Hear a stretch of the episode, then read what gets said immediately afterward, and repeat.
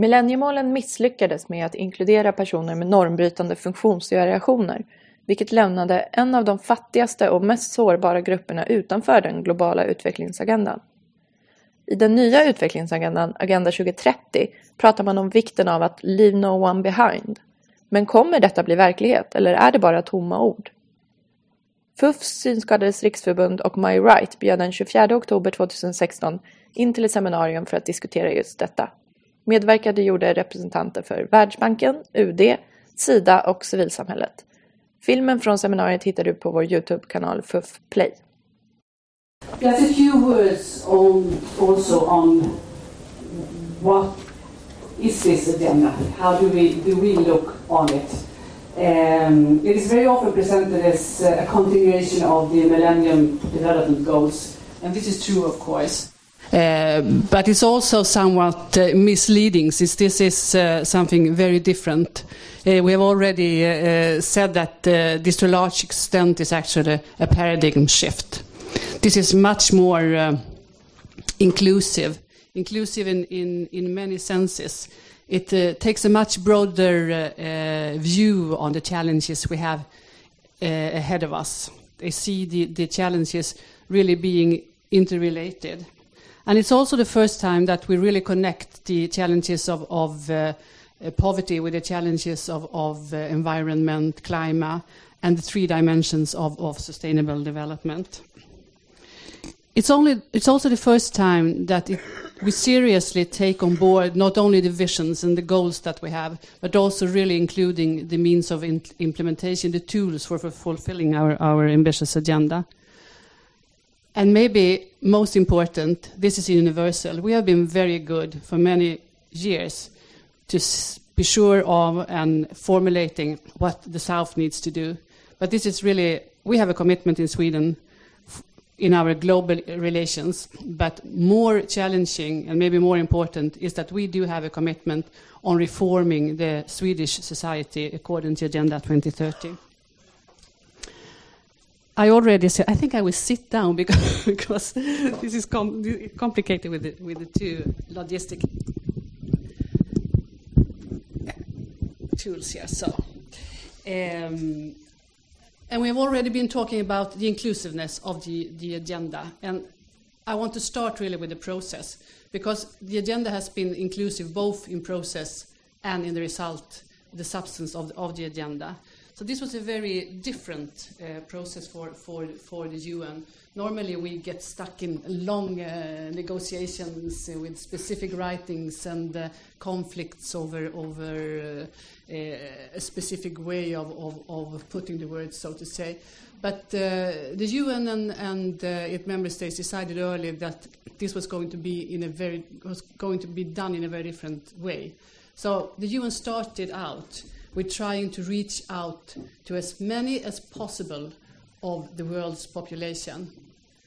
And of course, it's impossible to have a contact with everybody, but uh, the UN has never reached out to so, so large part of the world population.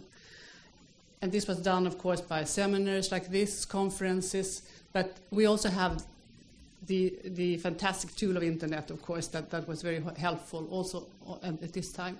And with the results of this broad consultation as a basis, uh, something that was called the Open Working Group was formed, starting out with uh, 30 member states two years ago, ending up uh, with all the member states taking part since uh, they were more and more uh, uh, learning that here is something different happening.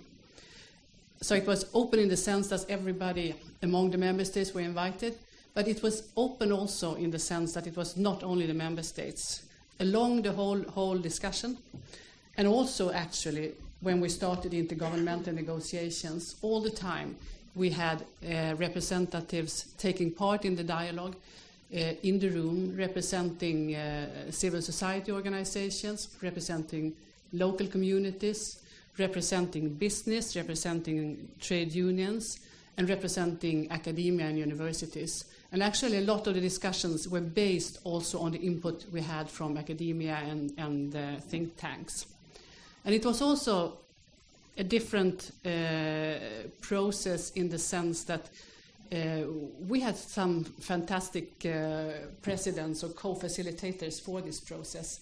Uh, they were very patient with all of us, uh, listening to long dialogues, but they were also very severe when it came to holding the pen. And I think this combination of really listening to people but not letting us get into backtracking in negotiations and having the breadth of society represented in the room was, is an important explanation why we manage to have an agenda that is so forward looking and so, so inclusive. And it is inclusive uh, both uh, in the sense that it incorporates uh, the three aspects of, of, sustainability. We have tried to do that before and we have managed somewhat, but I think we have come further in, in Agenda 2030. But also in, in the way it describes and how the, the, the specific targets uh, are working to, to integrate between the goals and the challenges we put ahead of ourselves, and also integrate with the, with the specific uh, tools for, for, for implementation. And it is also inclusive in the sense that there is one team coming, coming back all the time in, in the specific wordings of, of the agenda, and that is the theme of leaving no one behind. And this is really a paradigm shift. If you compare with the Millennium Development Goals specifically, where most of the goals were set like in percentages or, or relative changes, the negotiators of the Agenda 2030 made a choice. It is this clearly said that this agenda needs to reach out to everyone, and it specifically needs to reach out to those left furthest behind and the most vulnerable. It contains plenty of references to this being an agenda for all, but it's also inclusive in the sense that it's clearly a rights based uh, agenda. It includes uh, all the conventions of human rights, of course, but it also includes the right to education for all, to decent work for all, to health care for all, even sexual and, and reproductive health. And it's also very, very uh, um, clear on the need to empower women and girls. And it does have, uh, comparatively, I would say, uh, strong uh, words on discrimination. We wanted to have it even stronger, but uh, comparatively and given the situation we have in the world, I think it's, it's, it's, it's rather good. So, we do have an inclusive agenda. Now we need to implement it. And uh, since the breadth of society was really part of, of the, the uh, uh, formulation of this agenda and this vision, it's obvious that the breadth of society also need to be part of the realization of the, the agenda. We have the ambition to work uh, on a whole of government approach uh, when it comes to, to the work we're doing in the government, but we also really have uh, the ambition to work with a whole of society uh, approach on this. The Agenda 2030 uh, is, of course, very high on the list of priorities for the Swedish government. This is really seen as a basis for much of what the government wants to do and what the government already have wanted to do. Uh, you might know uh, that we have um, set ourselves the tasks to be one of the first fossil-free fossil welfare nations. Uh, and also that there is a commitment made already some years ago not to leave any of the environmental challenges to the next generation, but really to solve them during this generation. And you might also know that the Swedish government has declared itself to be a feminist uh, government. And this is well and good, but uh, it's not enough, of course. We need to develop all the policy areas even more. And how do we do that? I think that was really the question raised to me for, for, for this uh, part of the, the, the program. First of all, this is a responsibility for the whole government. So each and every minister and each and every ministry will be responsible for mainstreaming the agenda into their respective policy areas. But there is a risk, of course, if everybody is responsible, that nobody takes the responsibility. So, in order to make sure that, that uh, this will not happen, two of the Swedish ministers in the, in the government has been tasked with a specific role to coordinate. And when it comes to the national uh, perspectives and national implementation, the Minister for Public Administration has been given a, a special role. So why the Minister for Public Administration? I think there are at least two reasons why. And the first one being that he's, he has his, his work at the Ministry for, for Finance. And if you really need want to reform your country, you need to have friends at the Ministry for, for Finance. He can use the budget, he can use the instructions, uh, he can use all the traditional steering tools to make the whole uh, government, to make our agencies and, and, the whole official part of Sweden really, really work on this. But a lot of public services uh, provided by, by the official Sweden is not provided by the government. It is provided by the municipalities. And the Minister for Public Administration happens to be also the minister responsible for the relation between uh, the government and the municipalities.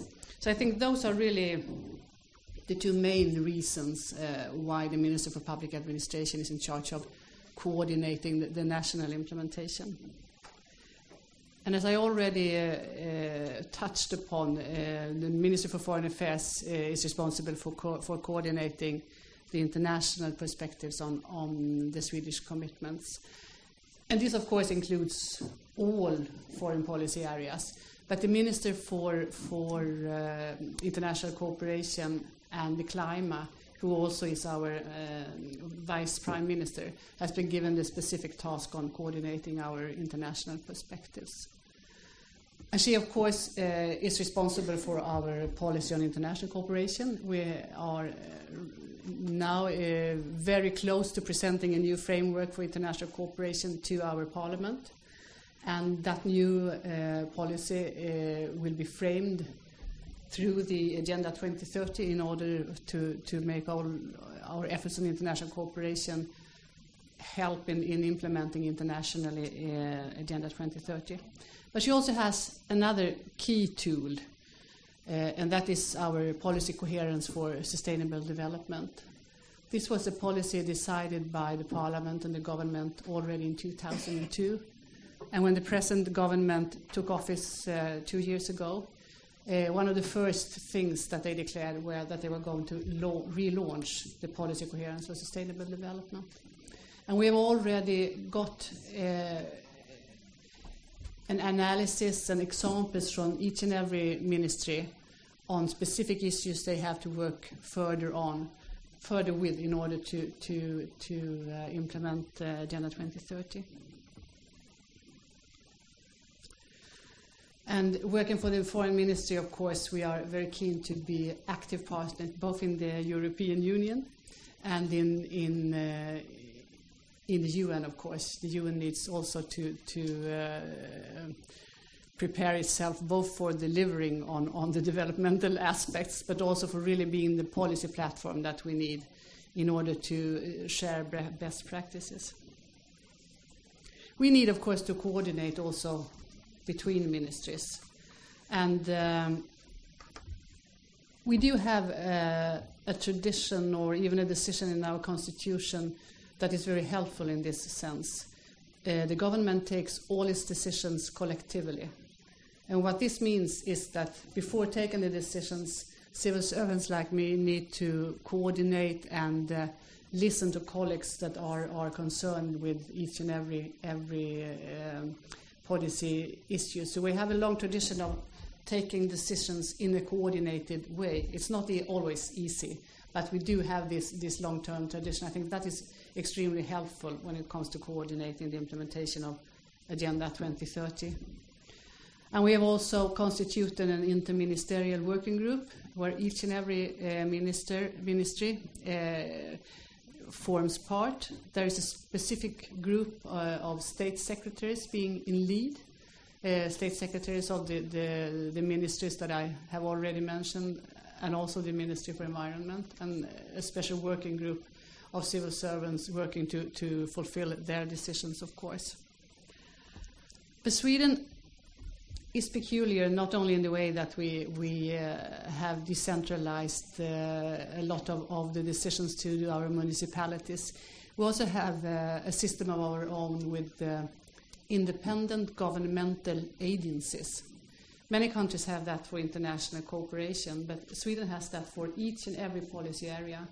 And this means, of course, that um, in order to fulfill the ambitions that the governments have, the agencies need to work very deeply on the issues. So we have now instructed also the, the agencies to, to or, or we are in the process of instructing the agencies to mainstream the agenda through their work, of course. And we have also tasked 87 uh, agencies on making a gap analysis. Are we doing enough? Are there more that we need to do? And what is that that we need to, de- to do further? So this is the official part of the fulfillment, but we need to work with the breadth of society. And we are very lucky, I would say, in Sweden in the sense that we have very engaged uh, organizations and actors in the breadth of, of the civil society. I mean, this is one of the examples of, of uh, civil society organizations being very much involved both in, in the formulation and, and uh, showing a big interest for taking part in the implementation. But we also have several academic institutions very much engaged, working very closely with the, with the UN during the negotiations and now uh, with us on, on the implementation issues.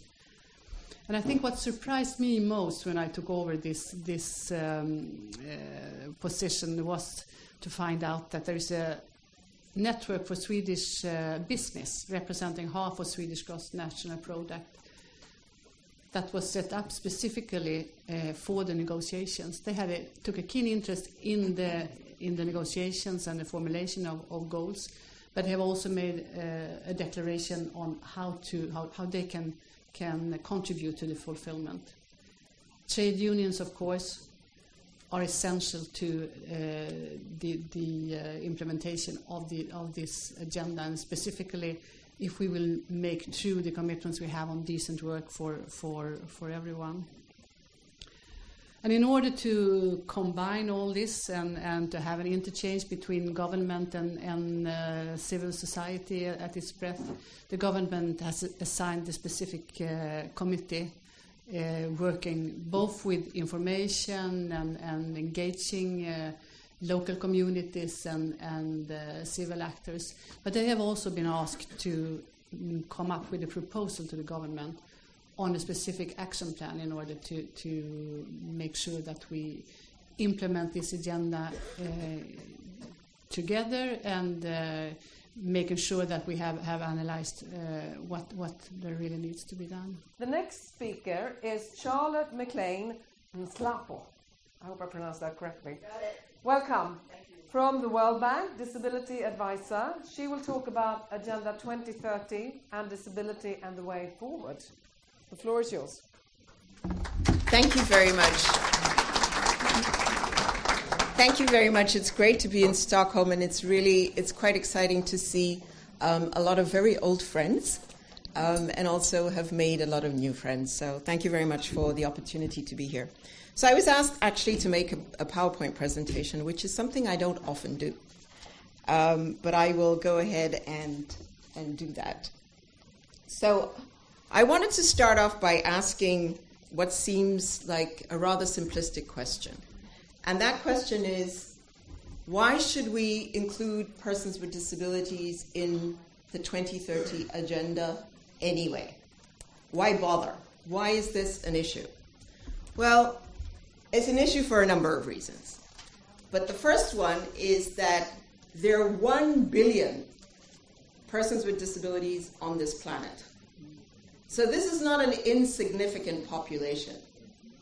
In fact, it's often called the largest minority population. The other important issue that makes sense for disability to be included in the development agenda is that 80% of people with disabilities live in the developing world. And so, if we're looking at policies and frameworks that think about development, we need to be remembering that 80% of persons with disabilities live in the developing world. The World Bank estimates that 80% of people with disabilities also live in poverty. And if we're developing a framework, an agenda that addresses issues around poverty, then surely we should be looking at this group of, of people. I was very happy to hear the ambassador say that the 2030 agenda is essentially a rights based agenda. And I think for me, the connection here is that persons with disabilities have rights, like anybody else. Um, and now, 10 years later, we're celebrating the Convention on the Rights of Persons with Disabilities, which entrenches further the rights of persons with disabilities. Another important issue around why include people with disabilities is the principle or the motto that was used in the lead up to the 2030 agenda, which was leave no one behind, which is actually very complementary to the disability movement motto or mantra, which is nothing about us without us. And I think if you merge those two principles, yeah, leave nobody behind and nothing about us without us, really can build towards very inclusive societies. Okay, so I'm struggling here a bit because I can't see the screen. Um, I'm sorry. I, I, just need to be seen by the two yeah. deaf people here, and I saw. Can I? Can, if I oh, I, she can come here. Did you want me to come here? No, I'm fine. I'm Is that okay to yeah, see? That's Can fine. you see? I'm sorry. I was just. No, okay. sorry. we'll make it work. Okay, so the 2030 agenda has what's called the five P's. And I think the five P's are really a useful concept to think about when we think about the 2030 agenda. The first P, well, I don't know that there's a first P, but I'll start with the first P. For me, the first P is people, right? Because this is essentially, you know, human centric, people driven development. So for me, the first P would be people. Um, and the issue here is to end poverty and hunger in all its forms, but very importantly, to ensure dignity. And I want us to be mindful of that because it's not just about ending poverty, but it's doing so with dignity. And dignity is important for everybody, but for people with disabilities, it's often a theme that comes up again and again and again. The second P is prosperity. And that really speaks to the ability to ensure prosperous and fulfilling lives in harmony with nature. The third P is peace. I think that speaks for itself. The fourth P is partnerships, which is really important, and I'll come back to that in a bit. And the fifth P is the planet. And as the ambassador said, I think this set, this agenda is really the first agenda that brings these five P's together um, in a very seamless way, and, sta- and, and, and if so implemented, can be very integrated. Because they do they do they, they are linked together. But they will only be linked together if we make them link together. So it's like making sure that they all form part of that circle. Um, and I think what for me is at the center of that is the is disability inclusion. And I wanted to talk a bit about disability in the in the actual goals, in in the sustainable development goals, um, because I think there's quite a lot of excitement within the disability movement that finally there is reference to disability in the SDGs, because this was not the case with the, develop, with the Millennium Development Goals. We had eight goals, um, you know, some were more universal than others, but they did not specifically reference disability. Um, and I must hasten and say here that the fact that we have reference to disability in the SDGs was because of the process that the ambassador spoke about, the process that was inclusive. And it brought on groups of persons with disabilities. So DPO, disabled people's organizations, were well represented, they were well engaged, and, and that then resulted in voice and then in reference to, to disability in the, in the actual goals. So I think for me that's an important lesson. The lesson here is that it was not just about designing an agenda, but it was an agenda that had a, a, a process that was inclusive. Um, and therefore, I think we have a set of goals um, that have been designed and developed by way of consensus, and people feel like their issues are addressed there. So, the goals now, in their current form, um, mention disability or reference disability 11 times, which is not bad considering. There were groups within the disability sector that wanted a standalone goal on disability. They just wanted one standalone goal on disability. My personal perspective was that was perhaps not such a great option because I think lessons learned from the MDG process was that when you had a standalone goal like um, in the MDGs on women, it's often the goal that countries don't ever get to. And so, if you can find ways to mainstream the issue into existing goals, then I think there's a better chance of having more traction, um, better planning, and better financing um, in relation to implementation. Now, I keep. I really like this commitment that that that is articulated in the SDGs um, because I think for me it's the it's the core of the philosophy behind the behind the SDGs rather, and that is that the 2030 agenda is of the people, for the people, and by the people. And I think we need to consciously be recognizing the fact that this also means persons with disabilities. Because too often when we talk in broad terms, we don't think about people with disabilities. So I just put that up because I think it's something that we constantly need to come back to. So, in addition to the, not in addition, amongst the 11 references to disability, there are five goals that are quite explicit in referencing disability, and they are quality education, which is goal number four, goal number seven, which is on good jobs and economic growth, goal number 10, which is on reducing inequalities, and goal number 11, which is on sustainable cities and communities, and goal number 17, which is partnership for the goal for goals. Now, this does not mean that all the other goals are not important for persons with disabilities. I just have on the slide right now the five goals that make explicit reference. But the 12 other goals definitely are important for disability inclusion. Now, what I wanted to do was just quickly speak about each one of the goals that explicitly mentions disability and, and, and what it may look like.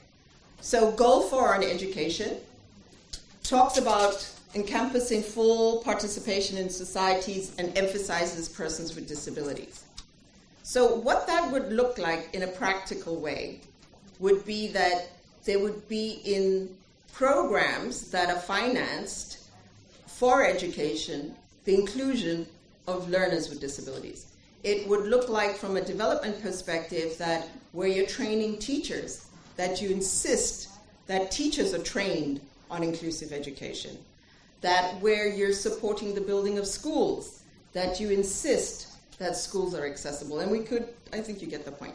So the point is that wherever there is specific reference to disability in relation to the goal, there are particular activities that could and should be in place to ensure um, disability inclusion. The other goal, goal eight, is um, an important one. It talks about employment and it speaks to the importance of ensuring decent work and employment for women and men, youth, and persons with disabilities. You know, when I speak to organizations of persons with disabilities, they often come up with three issues that are most important in their lives. The first one is education, the second one is dignity, and the third one is employment. And when you think about that, that's kind of what we, most of us want. Because if you have the dignity, you feel valued in society. If you have the education, you often can get, you often, I, that doesn't always happen, but you can often get the employment that, that you want. And so the dreams of people with disabilities and the aspirations of people with disabilities are not really different from those who aren't disabled. And so we, we need to be mindful of that. Some other goals that have explicit reference to persons with disabilities Goal 10, which speaks to reducing inequality. Um, I think that that one kind of makes sense given that I said 80% of people with disabilities live in poverty. And what would success look like in, this, in regard to this? Um, one area could be, for example, um, the development of policies that promote disability that promote disability inclusion um, and that focus on reducing inequalities that are specific to, to that population. This, the, the, next goal is um, goal 11, which looks at inclusive cities. And this one really is quite basic. It's, it's about ensuring that as we design cities, as we manage cities, um, that we think about basic services that are inclusive, um, that we think about accessibility in our cities, and that accessibility is not just good for people in wheelchairs. I mean, obviously it is, but it's also good for mothers and fathers with babies, for travelers. I mean, universal design is good design, um, and it actually makes sense for everybody. So I think that in this in this goal, goal 11, um, it's going to be very interesting to see how we actually continue to design cities, how we upgrade cities, um, and there will be some challenges. There will definitely be some challenges. I've thought a lot about what would a slum design look like from an accessibility point of view? And it's kind of hard. If anybody has the answer here, please give it to me after, after this because I'd be very grateful. Goal 17 speaks to the means of implementation. The ambassador mentioned that, and this is really important because it does talk to the mobilization of resources. Um, and I think here it's important to just point out as, as, as was said earlier on, that this is not just resources from the state. This is very much resources from the private sector, from philanthropic organizations. Um, but I also like to make the point that resources is not just about cash. It's not just about money. It's about human resources. It's about the transfer of technology. Um, and so I think that this is a really important piece of, of the means of implementation. And then I think the other important piece is uh, the follow up and review of, of the actual goals themselves. And this is important because we need to have mechanisms where there's a follow up, where there's a review. And I think, and I think, you know, the the the, um, the intergovernmental discussions were, were very useful in that regard because they recognized that such reviews, in order to be useful, have to be inclusive. So you, I, I really like the idea that they they wanted to ensure that they foster um, inclusive partnerships, and you have different people talking about what their experiences are vis-a-vis the implementation of the goals. Um, an important issue that comes up in terms of follow-up has been the need for data disaggregation. And, you know, for disability, this is an absolute key issue we need to have better disability disaggregated data, but it's not an issue just for persons with disabilities. It's, it's, it's an issue very much for, for, for gender. We still don't have all the data that we need. It's definitely an issue when we think about LGBTI populations. We just don't have the, the data. So I, I was very happy to see the, the reference to um, data disag- disaggregation um, for the purposes of tracking progress. Now, what I did want to do was make the linkage between the SDGs and the UN Convention on the Rights of Persons with Disabilities. Because, as pointed out earlier on, this is the, the 2030 agenda is in fact a rights based um, approach. And for me, the value of linking it to the, the Convention on the Rights of Persons with Disabilities, which I will refer to from now on as a CRPD, is that the 2030 agenda is a political, a political commitment. It's not a legally binding document, whereas the CRPD is. The CRPD is something that state party that, that countries have ratified and now have a legal obligation to implement. And I think the beauty of these linkages is that we can use the CRPD to, to implement the, the various goals outlined in the 2030 agenda.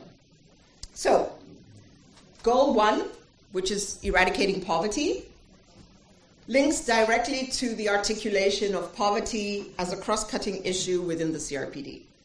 Goal two of the SDGs talks about zero hunger, and it links directly to goal 28 of the CRPD that talks about adequate standard of living and social protection.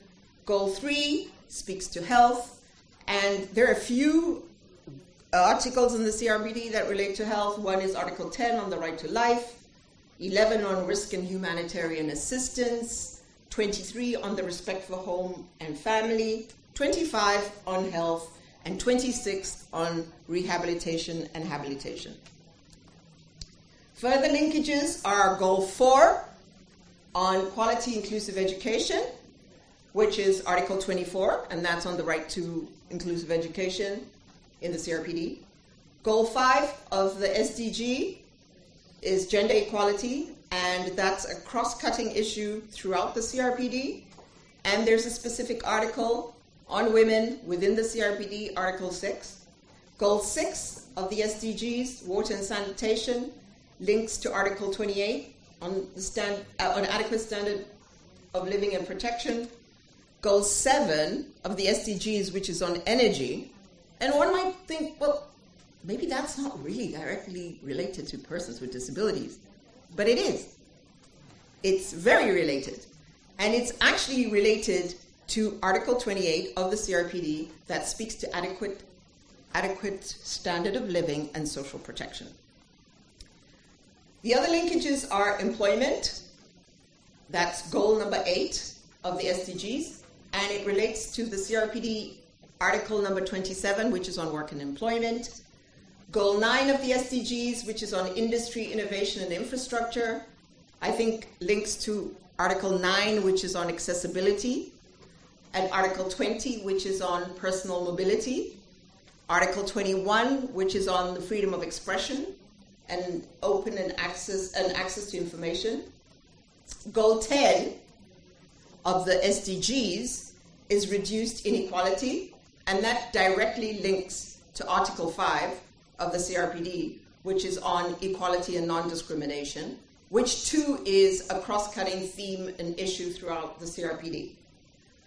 Goal 11 is on sustainable cities. We talked about that a bit. It's directly linked to Article 9, which is on accessibility, and it's also linked to Article 11, which is on humanitarian emergencies. It's linked to 19, which is living in the community. That's very important for persons with disabilities.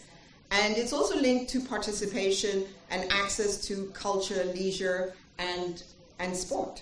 So I was in Rio um, for the Paralympics, and so I'm really excited about the sport piece. And I think we need to think a bit more about the importance um, of sports and disability and, and how we can use sport um, as a way to, to, to unify groups. Okay, so I'm running out of time here, so I've got three more goals. Um, goal 13, climate change. Again, it's it's an, a goal that you may not think about necessarily in terms of disability, but I do think that it has direct implications for Article 25 on health. Goal 16 makes complete sense. Peace, justice, and strong institutions. That definitely links to Article 13 of the CRPD that speaks to access to justice, freedom from torture or cruel and degrading treatment. Goal 17 of the SDGs, the means of implementation, does so similarly. So what I would like to end off by doing is leaving you with some key messages. And the, the key message for me, and I think articulated by the earlier speaker, is that the SDGs are universal. But they're also very context specific. And so we need to take that into account. So country ownership is, is very important and is an essential part of the implementation of, of the SDGs. I, I think for me the key message is the engagement of stakeholders. Um, and in many ways, I, I'm putting out a charge to my colleagues who work in the disability sector and the disability movement to, to stay engaged, to be engaged, um, because I think it's important that when these feedback loops happen in the review of implementation, that DPOs, CSOs are, are part of that process. In my view, I think there's absolutely no way that the SDGs will be met if they don't deliberately include 1 billion people. It's just, you do the sums, it's not possible. Um, and then I really also think that there's a, there's, a, there's a strong need for international cooperation to be more inclusive of disability inclusion in all of its development work. And I think that in order for us to reach these SDGs, we need to make sure that in our own international cooperation agreements that we are including and mainstreaming disability into those programs and that we're not se- separating it out to have the disability project. But how do we within our mainstream projects whether it's on education whether it's on financial inclusion whatever it is how are we including persons with disabilities and then finally, I just wanted to, to, to close by saying that I think that if these goals are implemented, I'm, I'm very sure that they will be transformative if they are implemented, all 17 of them. If they're implemented, they stand to really not only make a paradigm shift, but really transform the world. Um, and I think it can really create a more inclusive society. And as we know, more inclusive societies are often more democratic societies. So I'll end there and thank you very much. Our next speaker uh, is Malin Ekman Aldén. Welcome.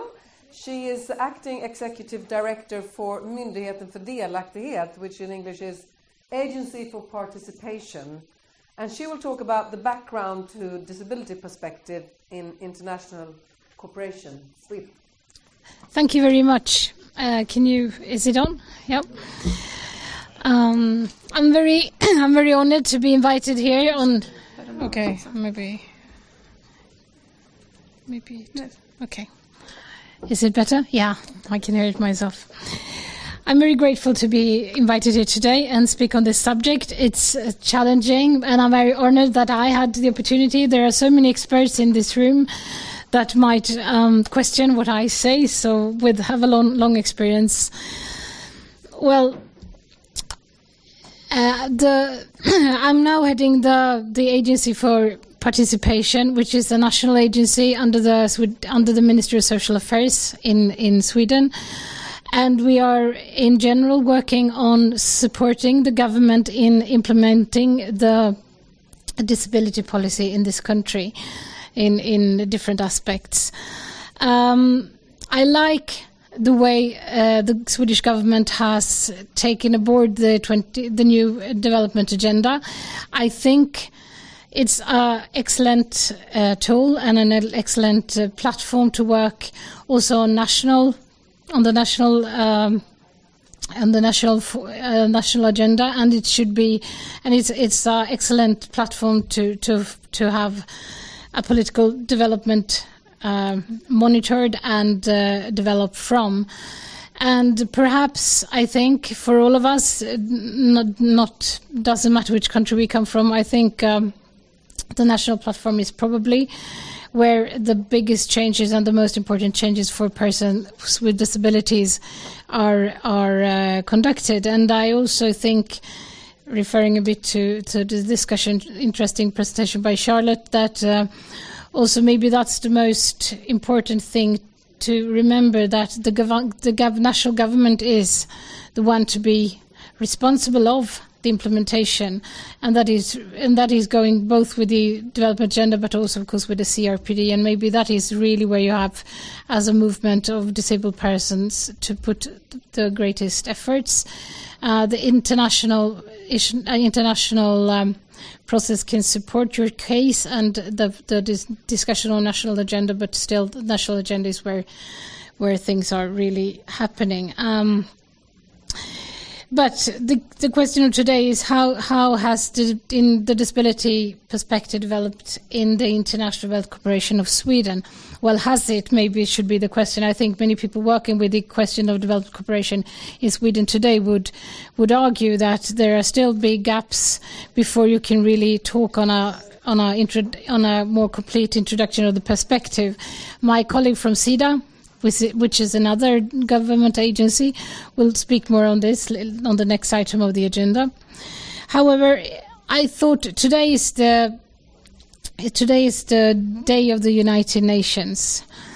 And when I thought of this theme and thinking back, because I've been um, not in this capacity as I am now, but I used to be uh, heading the work of International Wealth Corporation of Disability Movement for many years eh, as as a part of the NGO movement here in Sweden, and I I was thinking what was really what was really the key um, the key tools that, that we used at that time to to work on the agenda, and I think uh, the development, international development agenda is very much following the the, the development of, uh, well, the right-based development of disabled people in general.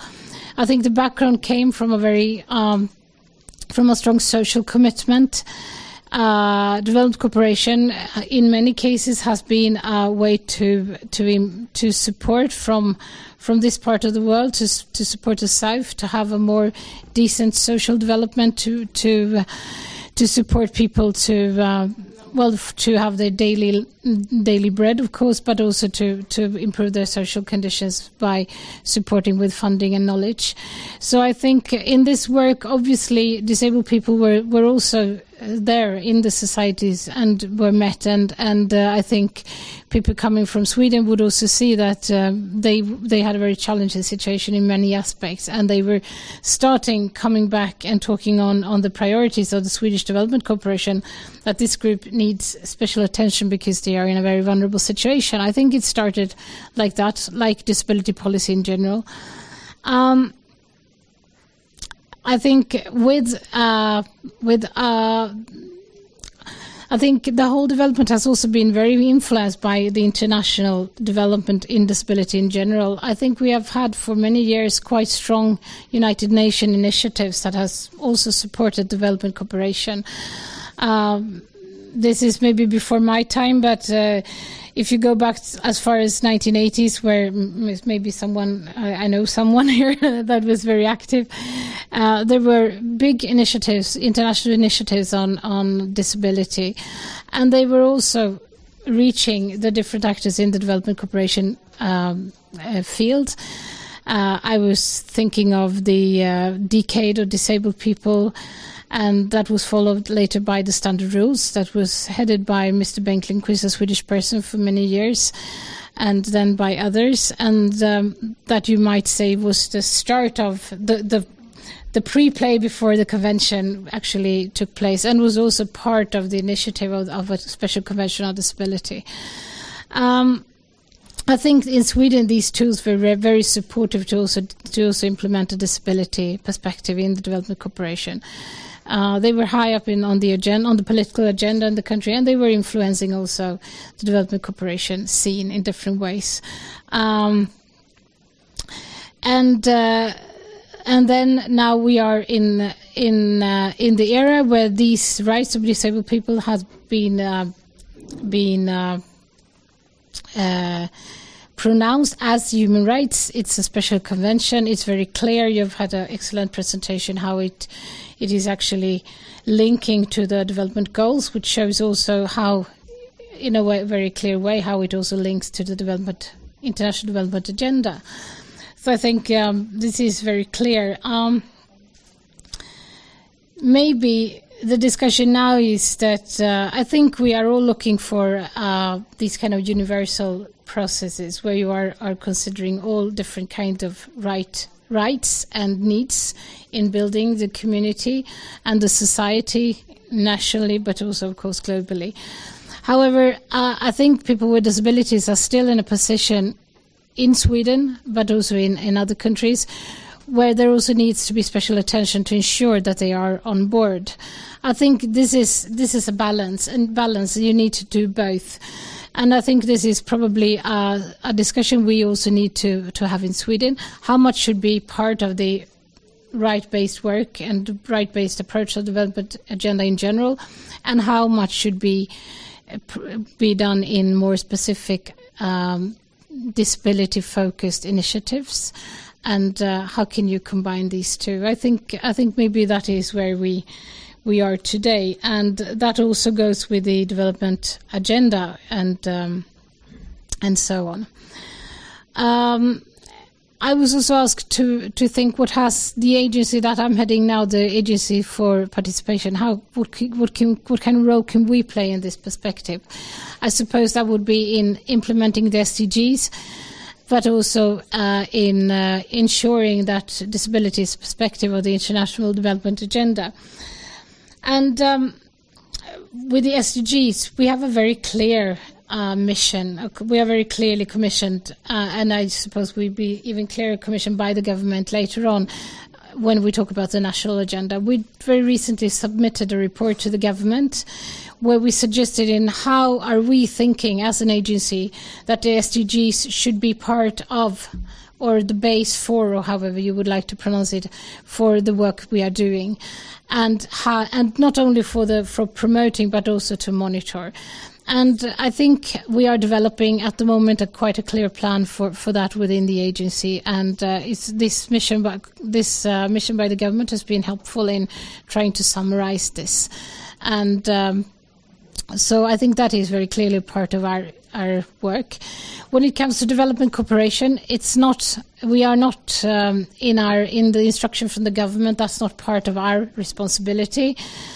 Um, however, in the report we submit, submitted to the government, we were suggesting that that the government should consider how to see how they could use the competency and the knowledge that is that there are in general in national development in national development of disability policy and how can that be used more efficiently in combination with the competency of, of international development cooperation we we don't the the agency didn't suggest how this should be carried out, but we suggested that there might be some kind of fruitful meeting, and in practice, I suppose that would be in a cooperation between us as an agency and maybe SIDA as the Development Cooperation Agency in Sweden.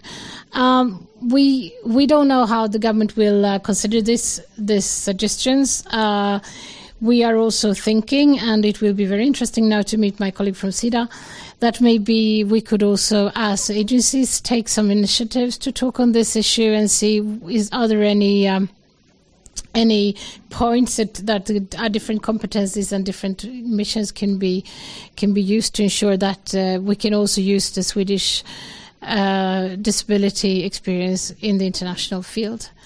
So maybe that is about what I can say on that issue today. Thank you so much, Malin, for that uh, insight into Swedish um, agency. Uh, we can take one question if anyone has a question for Malin.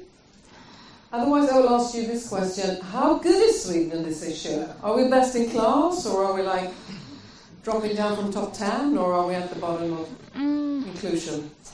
Maybe it's it's hard for me to judge, but I would say, as I have a long perspective on development on on development, international development cooperation issues, I would say that Sweden is not best in class. Maybe we were, or among the best, and Scandinavia was mm-hmm. some quite a few years ago.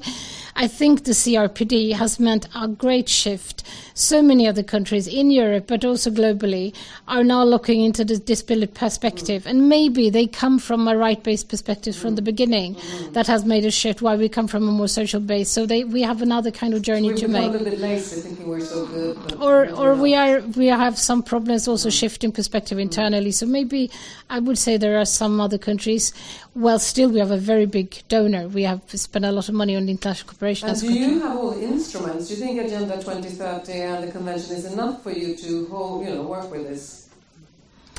I think they are enough as a policy base. Certainly, especially the CRPD is very clear, but of course it has to be developed into practical policies and and uh, and strategies for implementation, and that has to be done in in the within the Swedish development cooperation policy. So I think that.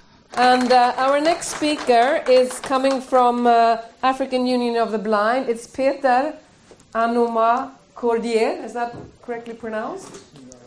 Good, great. I'm happy about that. I didn't know it was Cordier, maybe a little bit French touch. so, please welcome. You will talk about results at a glance from the Regional African Human Rights Project and MyRight as a whole. And um, the floor is yours, and we will try to take some questions afterwards. All right. Thank you very much. Um, I'm very happy to be here um, to contribute to this um, discussion and UND. Um, African Union of the Blind, as you mentioned, is the sole organization for the blind in Africa, it's an umbrella organization for the blind, and um, it represents uh, millions of people in Africa. And we operate, we have a mandate in 53 African countries. So that's a, quite a, a big organization. And we are located in East Africa, in um, Nairobi. That's where our headquarters is. But we operate in all African countries. Um, having said that, thank you very much again. Um, we've all heard about the fact that um, none of the Millennium Development Goals mention that of persons with disabilities, despite um, demands across the globe to include them. So when it later came time for us to identify the Sustainable Development Goals, persons with disabilities and their organizations all over the world um, contributed significantly, and uh, Africa was not left out. And even before the um, Sustainable Development Goals were set, a number of um, African countries adopted policies including um, um, inclusive education, housing, employment, and uh, uh, poverty alleviation, and, uh, and the like. But um, these uh, policies and legislations, uh, persons with disabilities have not benefited from these um, legislations. And you agree with me that um, the UN Convention on the Right of Persons with Disabilities and Nations with Disabilities Act is uh, cover all aspects of human life, and then so as the policies and uh, legislations also promote and protect the right of and also create opportunities for persons with disabilities. So the question is why then um, still persons with disabilities um, still have um, a lot of challenges and what, what is happening? Why is it that they are not benefiting from the uh, these legislations? Um, a key um, reason that we can talk about is the fact that almost all of these um, legislations lack um, proper mechanisms for or have a slow mechanisms for implementation. So until governments and uh, civil, I mean, the society and duty bearers change their attitudes towards persons with disabilities, persons with disabilities may not even benefit from these sustainable development goals. Um, and it is of this that we have partnered with SRF and through, um, I mean, MyRight through SRF to implement our human rights programs in Africa. And we call the regional human right for persons with visual impairment in Africa. And our long term goal that um, MyRight is contributing significantly to is to improve um, the human rights realization and protection for persons with visual impairment in Africa. Next is to uh, improve the quality of life and socio-economic rights of persons with disabilities in Africa, and also improve the um, equity and inclusion for persons with visual impairment in Africa. So, how is MyRight through SRF doing it? What they are doing is to build the capacity of African Union of the Blind and her member, orga, member organizations to use um, to promote human rights um, by using the Convention on the Right of Persons with Disabilities as an advocacy tool. And um, we started this in 2011 in Uganda. In Uganda, we were able to build the capacity of um, Uganda National Association of the Blind, where um, they were able to lobby their government to put systems in place for the implementation of the um, CRPD. And um, also, um, we, we, we did our best going to the district. We were able to identify a student or children uh, who are not in school to enroll them in education. And it will interest you to know that we met um, some children who are their parents have never allowed them to go out because they feel it was a shame for them to go out for people to know that there's a person with visual impairment in the community. So during the training for persons with visual impairment, we're able to identify such persons. And I'm happy to say that one lady that we found, that the father was, um, and the parent for, uh, for that matter, were very protective. We were able to convince them. And when we brought this uh, girl to the training, we had to start training them mobility, giving the, the lady mobility skills because she didn't even know how to walk from one place to the other. And fortunately for us, uh, now the girl, we took the girl to rehabilitation center and then he learned how to do weaving uh, clothes. And now it's the parents, they buy the, the, the, the materials for the child to carry on out her business. So these are some of the things that um, practically I can say MyRight through SRF helping um, the uh, African um, organizations to do. Um, when we realized that the project has gone well, we moved the project to two countries, and West Africa and Southern Africa, and that is Ghana Blind Union and Namibian Federation of the Visually Impaired. Mm-hmm. And we have been, in Ghana, for instance, we have been able to train over 90 leaders on, on the CRPD at the local level and at then national level to use the convention to advocate for their right at both district and then national level. Of course, we've not been able to cover all the um, districts in Ghana, but we hope our next project will cover a significant uh, part of it.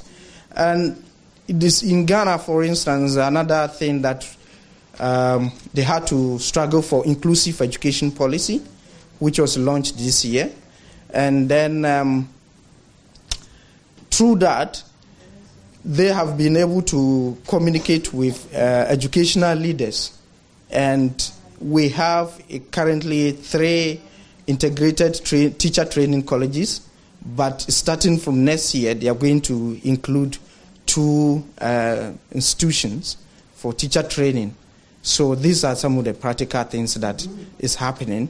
And I can also say that in Namibia, through the project, they've been able to um, f- uh, fight for um, a seat at the office of the vice president where their issues will be discussed.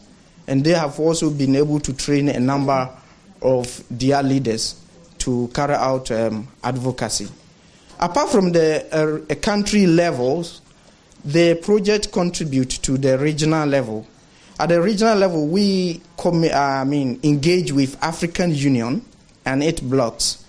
So um, I can tell you that the African Commission on Human and People's Rights, um, actually, through our um, statement to the Commission, of which is uh, part of the project, adopted Resolution uh, 305, which urges all the African countries to ratify the Marrakesh Treaty, a treaty that gives access to um, publish uh, visually impaired persons to have access to publish books um, to, so that they can also it's part of actually the CRPD so that uh, in terms of education we have access to books and other things and then also urging African Union to make sure when they are uh, during their meetings they choose a place and also make sure their work is accessible to persons with disabilities. And through the project also, we are uh, engaging uh, with African Union to um, come out with what we call the African Disability Protocol. It started from the African Commission on Human and People's Rights, and we are happy to say that they have the the commission has finished uh, their part, and they have pushed the instrument to the African Union. So when African Union adopts the convention, I mean the protocol, then we will proceed to ask um, the countries to ratify that convention. Um, it's actually the reason why the African Disability Protocol is that AU said they don't have, uh, they are not implementing body, so they will not be able to ratify the Convention on the Right of Persons with Disabilities. So then they need an instrument that is African based. And African value uh, family systems uh, so much. So then they have to put the kind of uh, family system also in the instrument. So um, th- this is what the project through human rights um, we are doing in uh, Africa. Um, in moving forward, I would say that yes, these are achievements that we have, but doesn't mean we have finished everything. There are still challenges that is um, facing uh, African uh, persons with disabilities in Africa. And as I, I mentioned earlier on, we operate in 53 African countries, and so far we are in three countries. It means that then we have a long way to go to get into other 50 uh, countries. So, in terms of education, employment, and uh, housing, and, and health, and other things, persons with disabilities in Africa still don't have um, access to these things. And it's because uh, we have the instrument, the legislations, even the CRPD itself. If countries decide to implement it fully, we may not even need more legislations for persons with disabilities. But because um, all the time persons with disabilities issues are afterthought, and peop- uh, our leaders are not implementing those legislations, that is what uh, makes persons with disabilities still face these kind of challenges. Um, so I actually recommend that um, looking at it, we still have a long way to sensitize our people about issues concerning persons with disabilities. So our project needs to continuously focus on awareness uh, raising and, where possible, awareness creation. And also, we need to invest in um, research so that we will have our facts. Um, because uh, advocacy these days is based on evidence, so that we can also uh, engage our people. Um, we have noticed, or we've heard this afternoon, that, for instance, within um, this, um, the Agenda 2030 will be, be in the ministries, different ministries. Mm-hmm. But I can assure you, if persons with disabilities do not fight for um, a space or a seat at the table with stakeholders to discuss the implementation of it and also come out with effective strategy to influence the implementation, the 2030 will come and we will still not benefit from it. So I would say that persons with disabilities, we need to fight for a seat. at the, the, the ministries so that when they are discussing, then we, we will be part of it. Yes, uh, Charlotte said, and it is true, that the, uh, says, the Agenda 2030 says leave no one behind. But if you don't move and you sit at one place, they will leave you behind. Okay, I will try to interrupt you soon. You, can you finish up off there, or? Yeah, um, yes, I can finish it, but um, um, since my time, some of my time was taken, let me conclude. Let, let me conclude by saying that um, yes, African Union of the Blind will continue to um, advocate for the right of persons with visual impairment, so that we will have a continent where persons with disabilities um, will participate fully in the society. And in moving forward, I will say that um, we need to carry the power of every person along with us. And we need to invest in our greatest resource. That's our people. Thank you very much. Thank you so much. And thank you for that very interesting insight into how you've been struggling for these issues and the necessity to, to keep on struggling. And we are running behind time. I don't know if there's anyone who would like to ask Peter a question. Um, otherwise, I would like to ask you because you said what attitudes need to be changed and what are the most important stakeholders to change it from your perspective? Yeah.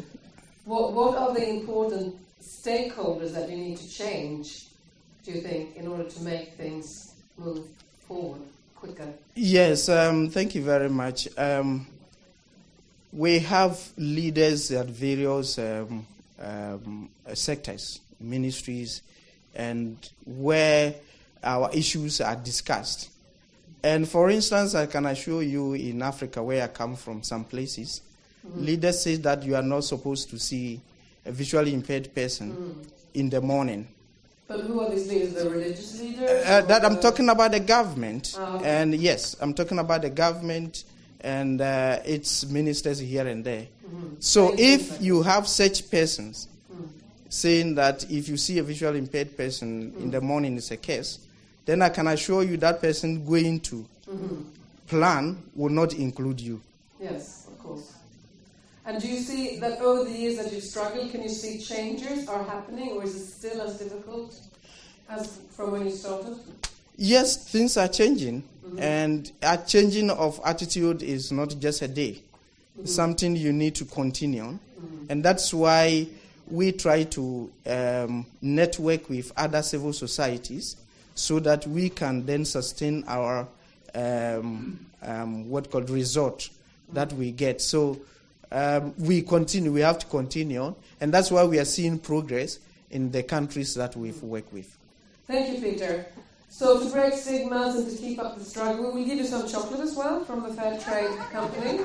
But uh, we are uh, behind time, so there will be a short break now for like four minutes. And then we will come back to the panel.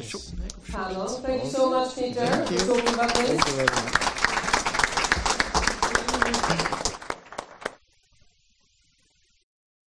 I will let them introduce themselves as well so we can all remember their names. Let's see. So, Charlotte, can you come in uh, in the middle here? And then you will go outside. So, if you move up a little bit, is that possible? You can, you can just sit up here, that's fine. And then you can sit next to her, Karin. Here. Okay. So that's perfect, because she has to leave uh, in case we get into heated discussions. She will sneak out through the back door. Don't break these things, though. no, I try to leave them behind. Okay, and do you have a chair, Lisa? No, you don't? Here you go.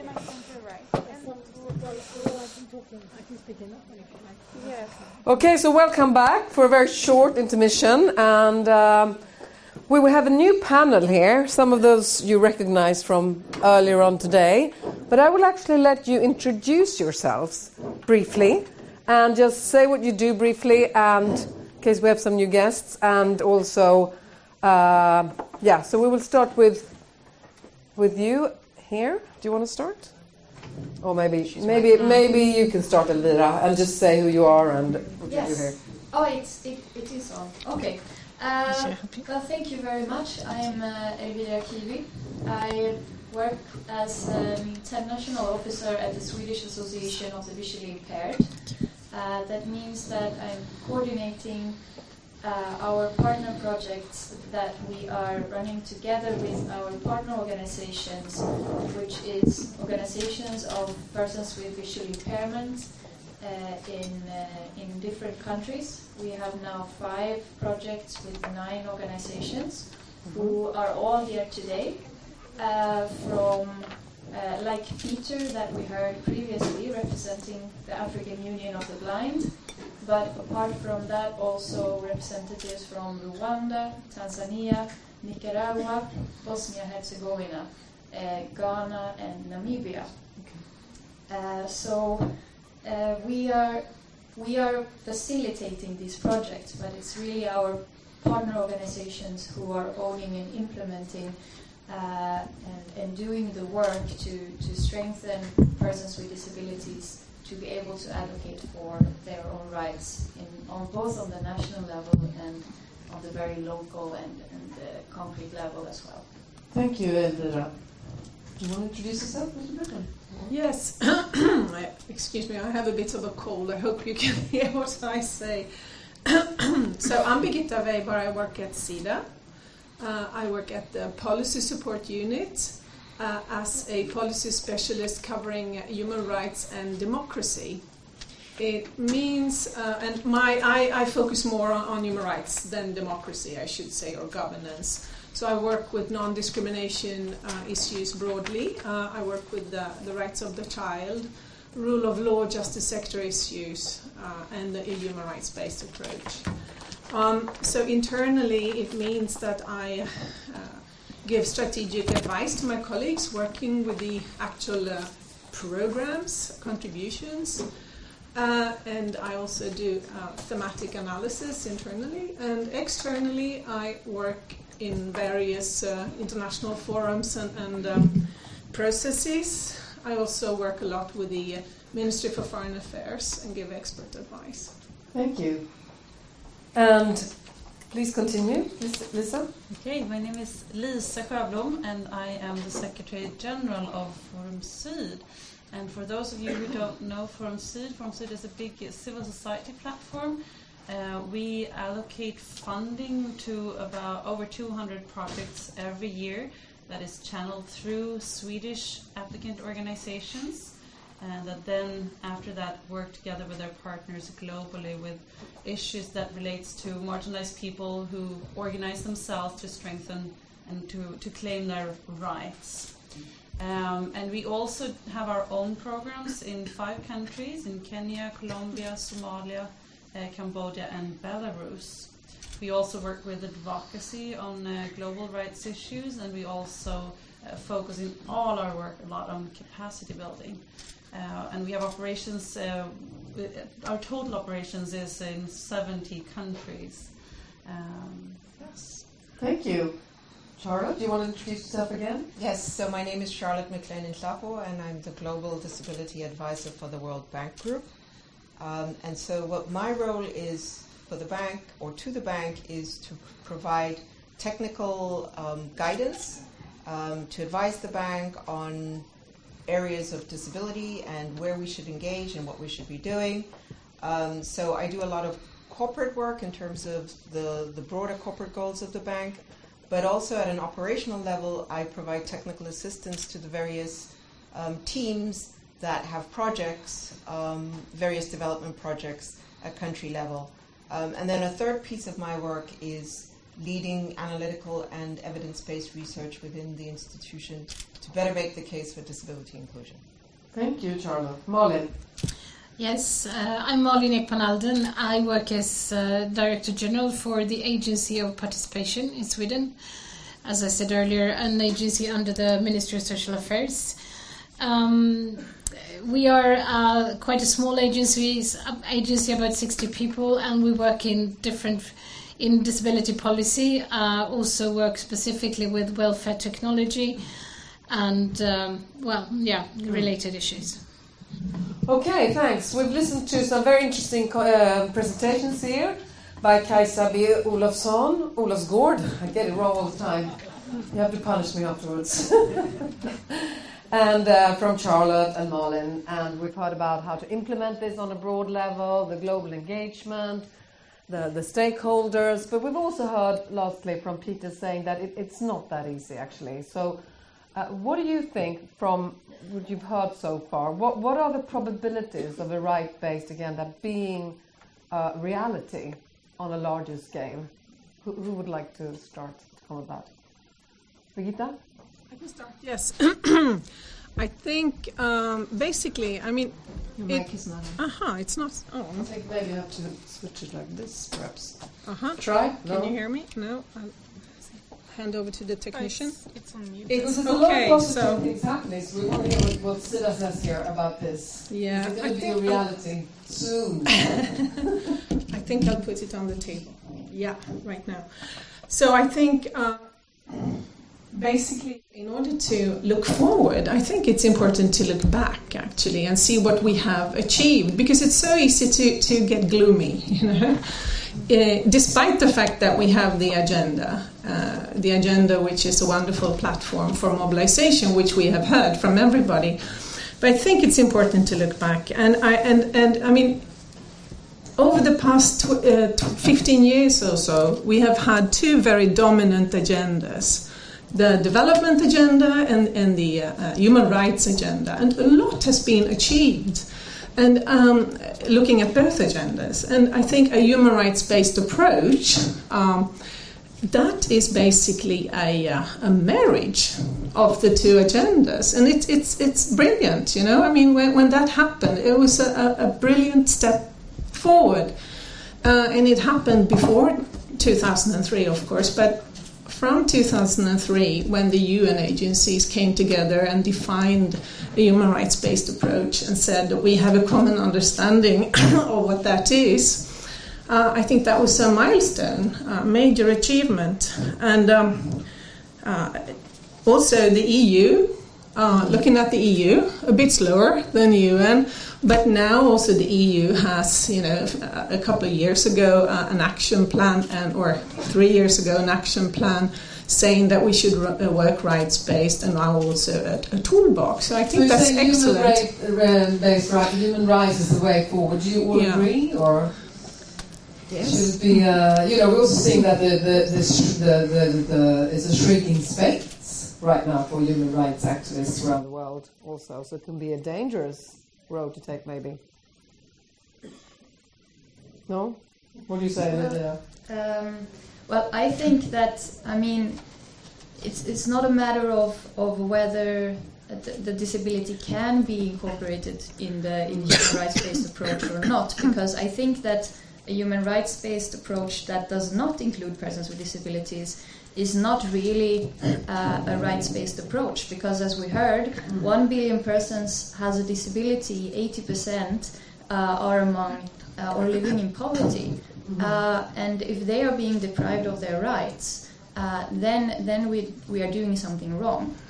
Uh, so I think that it's it's really a necessity that that it's being recognized as an important factor within the rights-based approach, and therefore it also needs some specific uh, resources, some specific actions, specific plans uh, in order for that to, to happen. You have said, your organization have said that you, you think it's not enough with Agenda 2030 and the convention. You need some more specific tools. What is it that you need? Uh, well, as, as tools uh, themselves, the, the CRPD, the Convention on the Rights of Persons with Disabilities, and the Agenda 2030 are excellent tools. Uh, but of course, what is still remaining is all of the implementation, the monitoring, the follow up, and the results themselves. And that um, is still a long way to go. So we have these wonderful tools to use. And from the civil society, we will be advocating uh, using these tools uh, consistently throughout the period. But in order to receive the results in the end, we need all of the all of the activities, the big programs, the big global organizations, uh, mainstreaming uh, disability as a cross-cutting issue, as well as strengthening specific disability organizations. So what, what do you say, Charlotte and, and Birgitta? Do you think you have enough tools uh, as it is, or would you need more be, to be more specific? I think the main. So I think the main tools out there. Um, I think the CRPD and there are loads of toolkits. Lots of organizations have guides on how to do this. I think the mm-hmm. tools are there. Mm-hmm. For me, the issue is how do we start implementing? How do we start documenting good practice? Mm-hmm. Sharing those practices, peer to peer learning, and it's something that's included in, in, in the 2030 agenda because I think that that's how we're going to actually move the agenda forward. But to your earlier question around do I think we've been successful in, mm. in moving the rights based approach?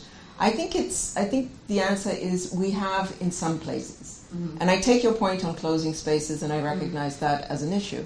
But I think just looking from the disability point of view, we would not have had the 11 references that I mentioned in the SDGs had it not been for the Convention on the Rights of Persons with Disabilities.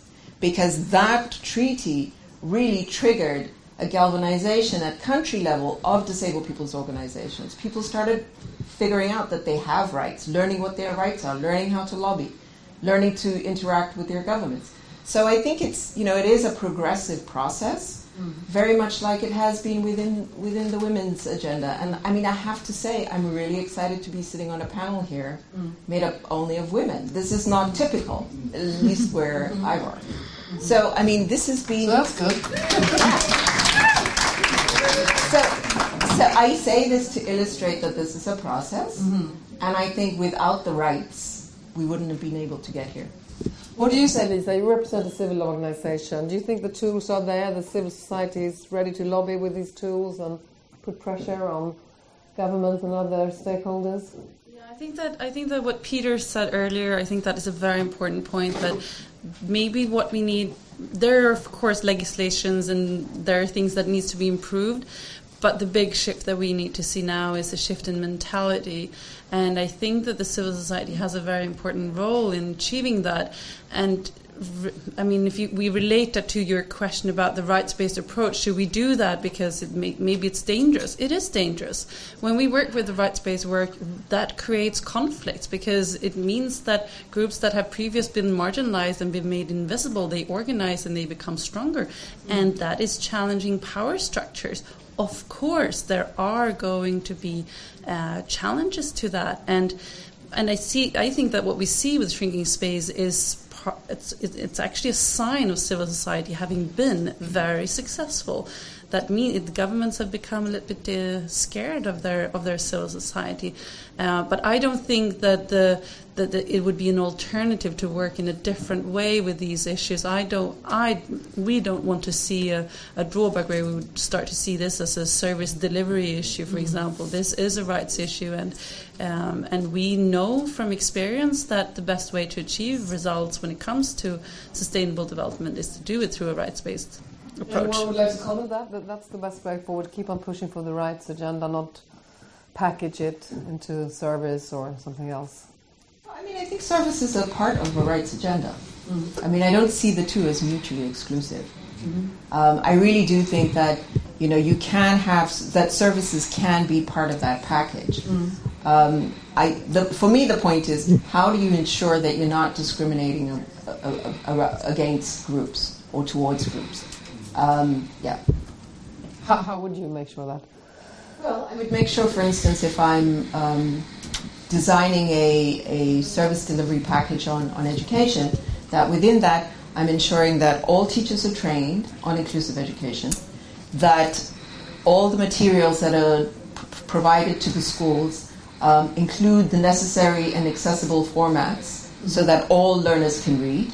I think you think about every aspect of the chain and ensure that accessibility is a part of that. It's not going to happen overnight. The Convention on the Rights of Persons with Disabilities recognizes that and talks about the importance of progressive realization.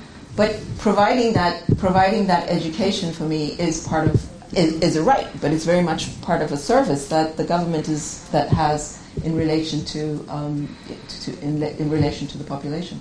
Malin or Rita, would you like to comment that from?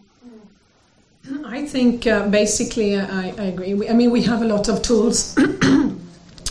we have the convention. We have uh, a lot of practical, applicable tools resulting from you know uh, ac- accumulated knowledge about how to work with human rights-based approach.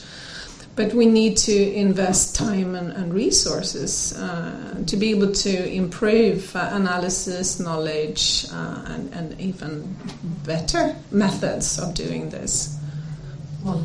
I, I, I don't think the convention is a tool really it's it's like an entry point it's like a base uh, showing that disabled people uh, have equal uh, it's more specifying how how the human rights are should be applied in accordance when you have a disability so I think it's it's it's a bit reducing calling it a tool for me um, I think uh, from from how we try to describe disability perspective in developing a society, I think that is going for Sweden, maybe others also, is that, I mean, there are three aspects of this of disability perspective. One is that societies needs to be universally designed. They have to be considering the differences in the in the population when designing. Second one is that a lot of things are built in a wrong way that is is it's discriminating against disabled people. They have to be removed those different obstacles. They have to be adapted.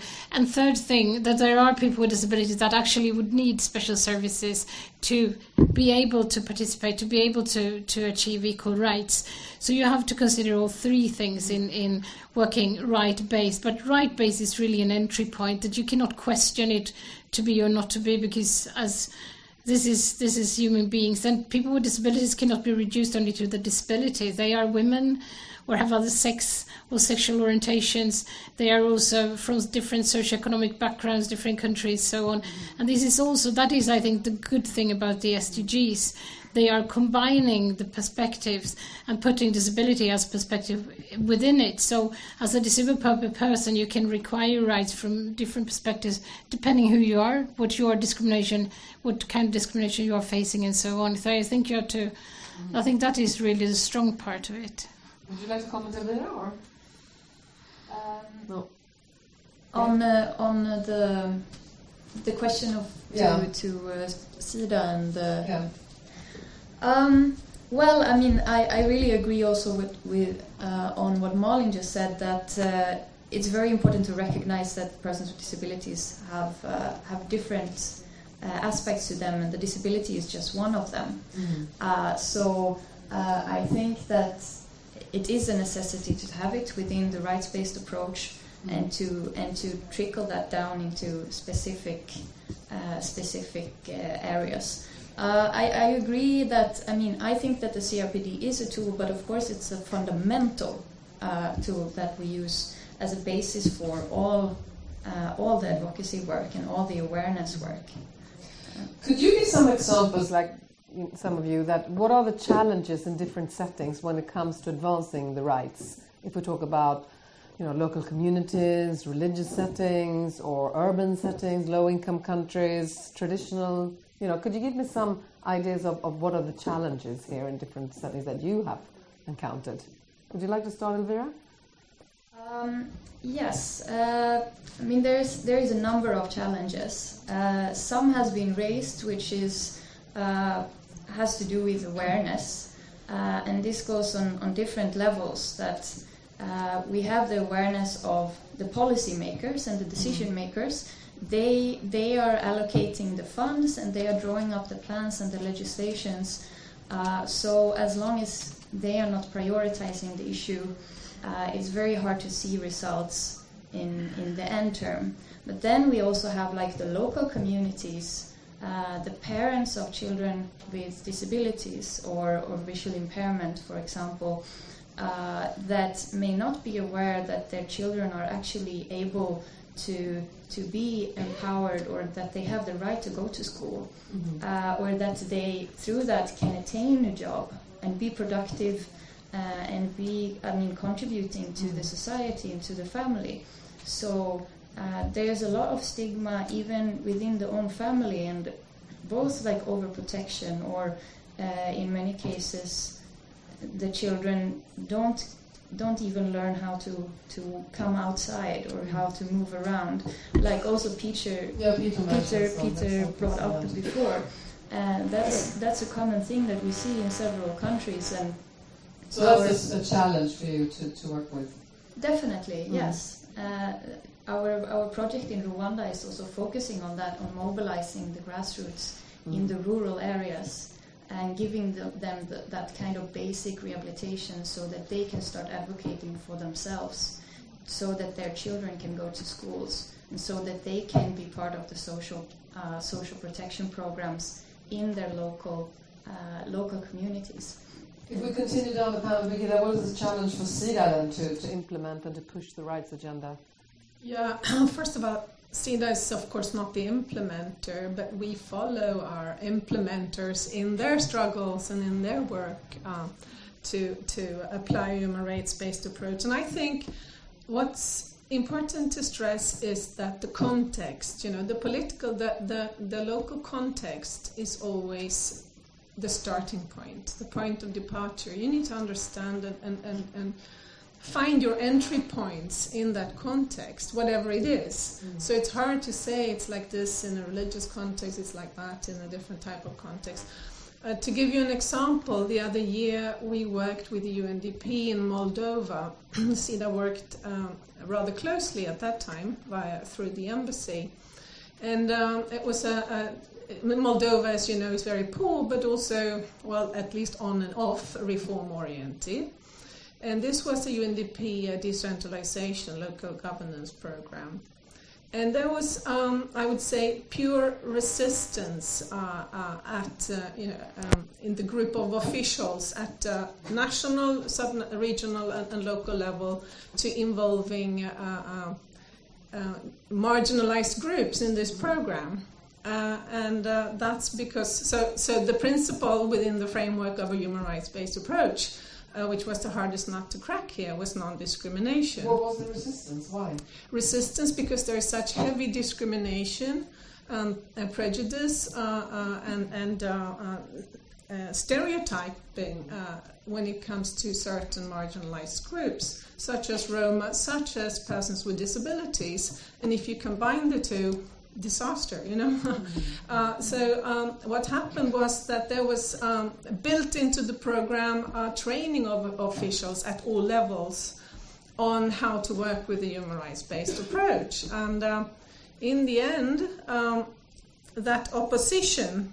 You know, uh, and real aggression towards uh, including uh, people representing all these groups actually ceased, and there were nationwide consulta- rounds of consultations with women's groups, groups, um, civil society groups representing uh, uh, disability groups, uh, Roma groups, ethnic, religious minorities. Mm-hmm.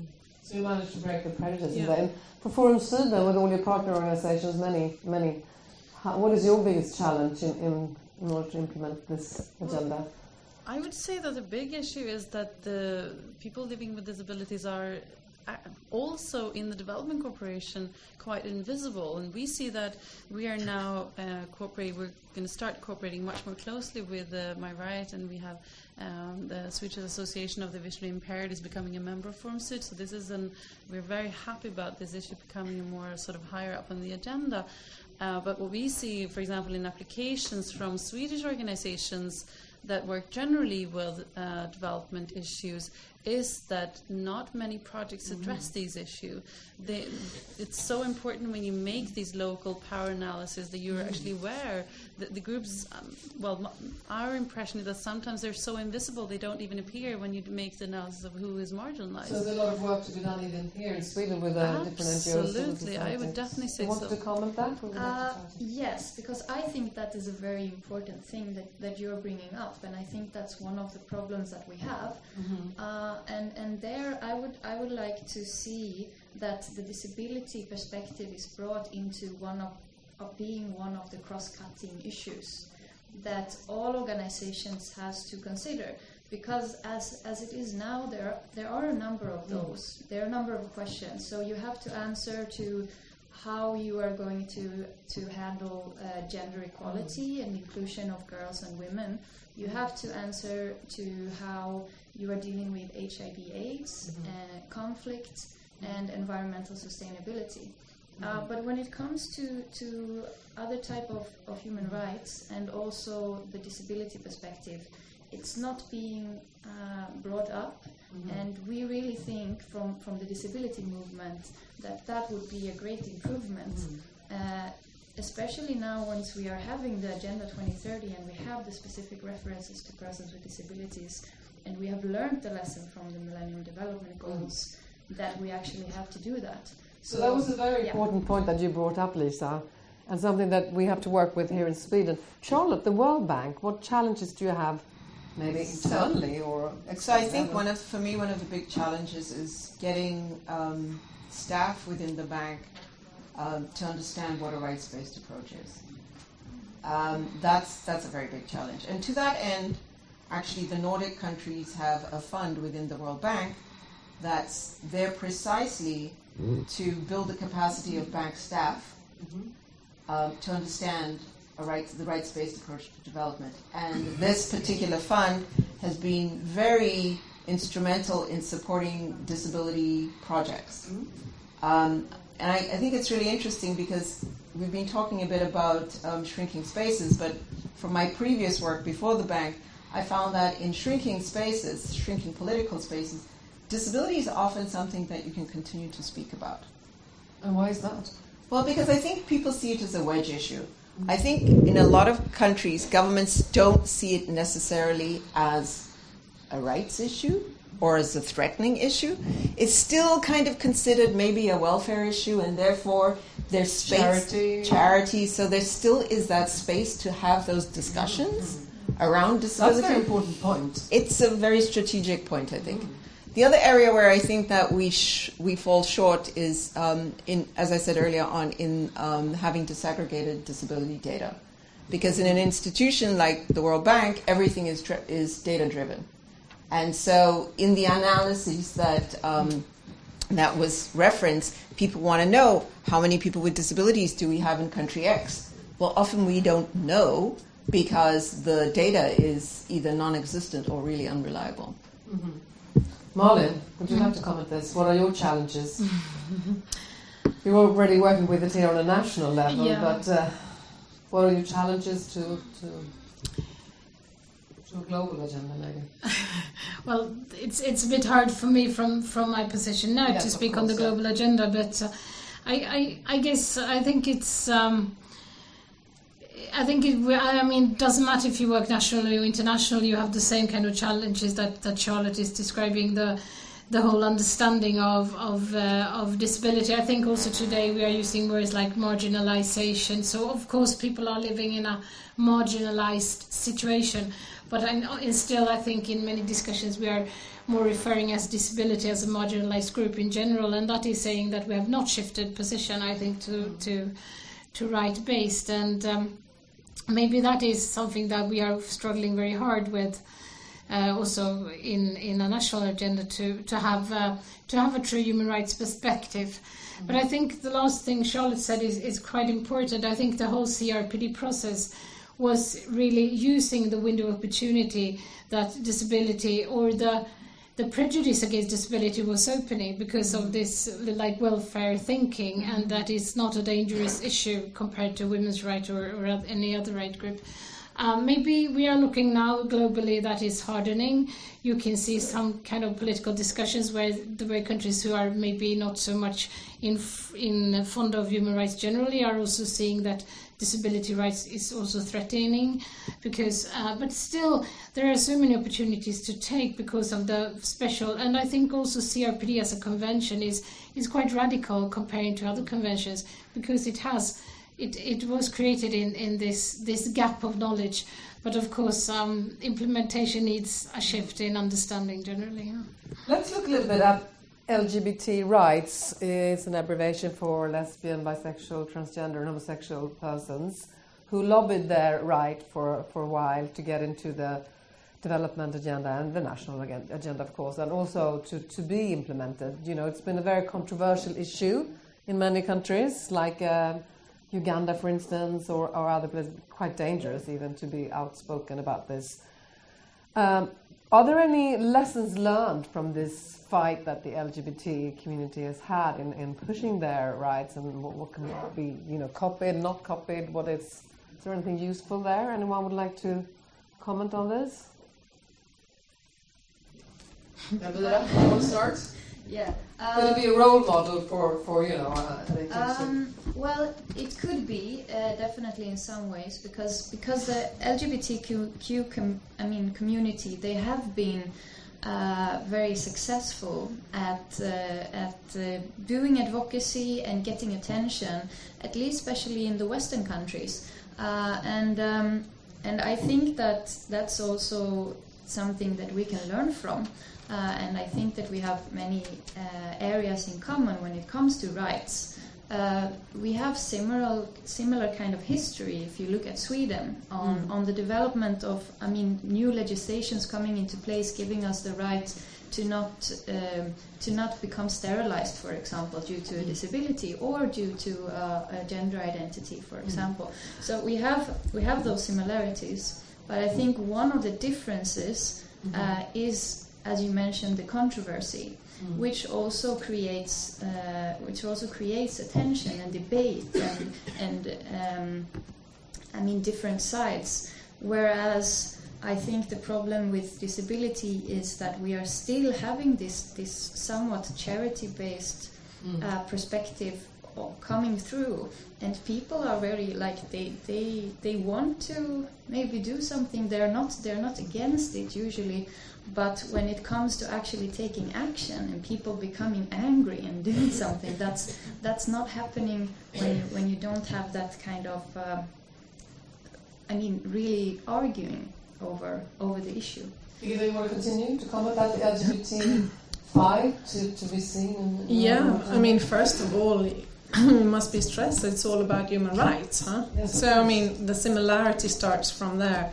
Uh, and I think to go back to a human rights based approach, I mean, basically, and this is what we struggle with with our colleagues and also partners, to, to you know, to let, um, um, to, to kind of have everybody uh, understand that basically it's in it's about in a given context um, identifying uh, who are the uh, discriminated um, looking for data understanding the situation of those discriminated uh, target them in what in whatever you know uh, programs you want to design and work together with them and I mean, it should be everybody in a given context which is of relevance to what you want to do. So, yes, it's persons with disabilities, it's LGBTI rights, it's maybe a, a you know religious minority. So, yes, that. But I would like to say, uh, lesson learned. Working with LGBTI rights um, very much has been about uh, combining uh, diplomatic efforts and, and uh, uh, development cooperation and uh, much more there than uh, with disability rights. So I think something could be learned from, from that struggle and from that way of working, working in a very broad sense together. Um, and um, I think also what is something that could improve is to learn from one another. Despite the fact that shrinking space matters, you know, more to some struggles and less to some, and that's linked to the, to what you talked about. You know, what some issues are more politically uh, controversial than others. But certainly, you know, uh, activists should learn from one another in the era of shrinking space. That also difficult for civil society to take on board these sort of new rights issues in the 90s when it emerged, you know, the LGBT rights? Well, I wasn't around. I didn't work with Development Cooperation at the time, so I wouldn't know. But my impression is that the difference is I really want to emphasize what Elvira is saying. That I think that the the difference here is that when it comes to LGBT, uh, LGBTI uh, rights, is that it's by in itself, it's very hard to make it into a charity issue. It is political in itself, and that's both a strength and a weakness. It becomes a rights issue immediately, while as with uh, people living with disabilities, here it can go both ways. It can go to being a charity working for rather than with or you know with an ownership. And I think that for me, that is a big difference, and I think that I, and again, I think that you you phrase it very well, Elvira. That I think that here with the LGBTI, the issue's never been visibility. It's Mhm. always been incredibly visible. While as uh, with uh, people living with disabilities, here uh, it really is. Uh, still an issue, and maybe the fact that it's not so controversial is in itself hard makes it hard sometimes to make it uh, so inter- um, well, interesting to talk about. Charlotte, would you like to comment? Yes. So I I think for me, there's a, a kind of a step back, and that's from. Um, I'm a great proponent of people walking the talk. So I think if you talk about human rights based work, if you engage in human rights based work, you recognize that everybody has a different identity. Um, and I think this is important because I've seen within the sectors that I work, there's some reluctance to work with LGBT, on LGBTI issues. And I don't think you can say you're a rights based group if you're excluding and discriminating against people because of their, their sexual orientation.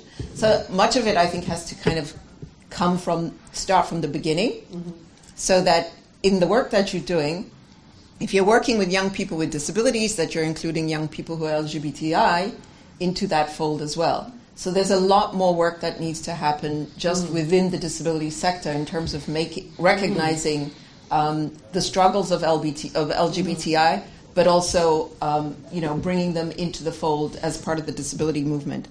In terms of lessons learned, you know, I was on a panel not so long ago with um, somebody who advocates for LGBTI issues in the U.S. And he turned around and he said, after I presented, Oh my goodness, I wish we were as far advanced as you are Mhm. as the disability movement. But I was talking about the CRPD, right? So you've Mm. got a full, you know, Yeah, human rights treaty. true. You don't have that with LGBTI. But I do think that for me, when I look at the LGBTI movement, um, there's been great strides in terms of visibility, even in difficult circumstances, right? Great strides in terms of visibility, um, an ability to forge partnerships and, and galvanize support. Really look at um, building a resource base, which I think is very helpful. Um, and to say that, you know, I think we're moving. I mean, I think the development trajectory is really changing. Like right now at the bank, in the next couple of days, I think they're going to hire Uh, a LGBTI advisor. This is what mm-hmm. unthinkable 15 years Oh. ago. Unthinkable. Mm-hmm. So it's changing. Um, but I think we also need to change in that process. So what you could learn from, from the LGBT movement maybe is to be more visual outside to the, the outside world maybe, you know, to, to be out there and, and show yourselves. Perhaps having ambassadors and so. What would you like to say, Malin? Well, I, I think uh, there are a lot of good things said already, but I think they what what strikes you when you're not maybe in the movement, but you look at it, and especially in Sweden, it's very strong because we don't have it's not so much discrimination as it is in other countries. Still, there are, but. Uh, I think the identity of the group it's a very strong identity, and that's been a very crucial point for the movement, as I understand it, to build this like a pride to be. And I think that can be maybe something learned by the There's no Pride Festival, is there? no, exactly that is, Yeah, and that's uh, but very also interesting. There I, is- I there think are. about the vis, the vis, visia, vis, visio, visio, visibility. Mm-hmm. I think also maybe if you look at the movement as such, it con- it has its um, strong leaders and also strong uh, advocates in Mhm. all parts of, of the society. You have them in, in the in the poli- politics, like in Sweden, very strong diplomats, for instance, p- talking on this perspective. Also in the in the in the enterprises, but in civil society, obviously, and, and everywhere. I think when it comes to disability, you don't see the same kind of support in a broad aspect of society. Uh, we would need more advocates in all parts, and maybe that's because of the discrimination. We don't have access to all these places Mhm. in many countries, and that's why we're not there. But um, yeah, I think that is also part of it because at least how I see it, that is also part of the being something that people get interested in. Uh, the controversy, of course, but also that that you can see people that you can like uh, identify with in depending on who you are in the society. Okay, Mm. so to be able to be identified. We're going to let in some questions from the audience soon, but I know that Birgitta and Elvira wanted to comment, and maybe, I don't know, Lisa, if you want to comment too. in Did you want to start, Elvira? and then we'll let in questions yes. from the audience. Uh, so uh, what I wanted to say is that, of course, we can we can learn back and forth from each other, but I think what we really have to do is to work together and be allies to each other within the movements. Uh, because of course there are some uh, LGBTQI persons uh, with disabilities and vice versa, and since we are facing some of the right similar kind of human rights violations, we need to ally, uh, be allies to each other uh, and try to enforce each other's uh, fights, especially in relation to the, I mean, talking about shrinking space and so on. If we band together between the different movements in, in terms of human rights, we can be much stronger, and I think that's a lesson within the disability movement that we really more and more realize that we need to network with other NGOs, civil society organizations, uh, both within the disability sphere and without, uh, outside of the disability sphere. Okay, Lisa, there's, then we'll take some questions from the this eager man here to ask questions. Yeah, I think, I mean, uh, discrimination is often uh, multiple. I mean, that's what Yeah, you were yeah. talking about, and that's really, really key here, I think. Uh, and but I think what unites, uh, you know, disability issues and LGBTI issues is the human rights argument, where uh, LGBTI. Um, Uh, the movement or the uh, activists have a problem is to explain how it's linked to poverty. And I mm. think the disability movement is, is clear. I mean, I think people understand better how that is linked to poverty. While even my colleagues at SIDA, they're completely, they look like question marks when, when you speak about LGBTI and poverty. So that could be one Yeah. way, linking it to poverty in all argumentation, and maybe also showing the advantages of mm. being inclusive and what society can gain from that. Tack för att du har lyssnat på FUF-podden. FUF är en förening som sprider information och skapar debatt om globala utvecklingsfrågor. Mer information om vår verksamhet hittar du på fuf.se.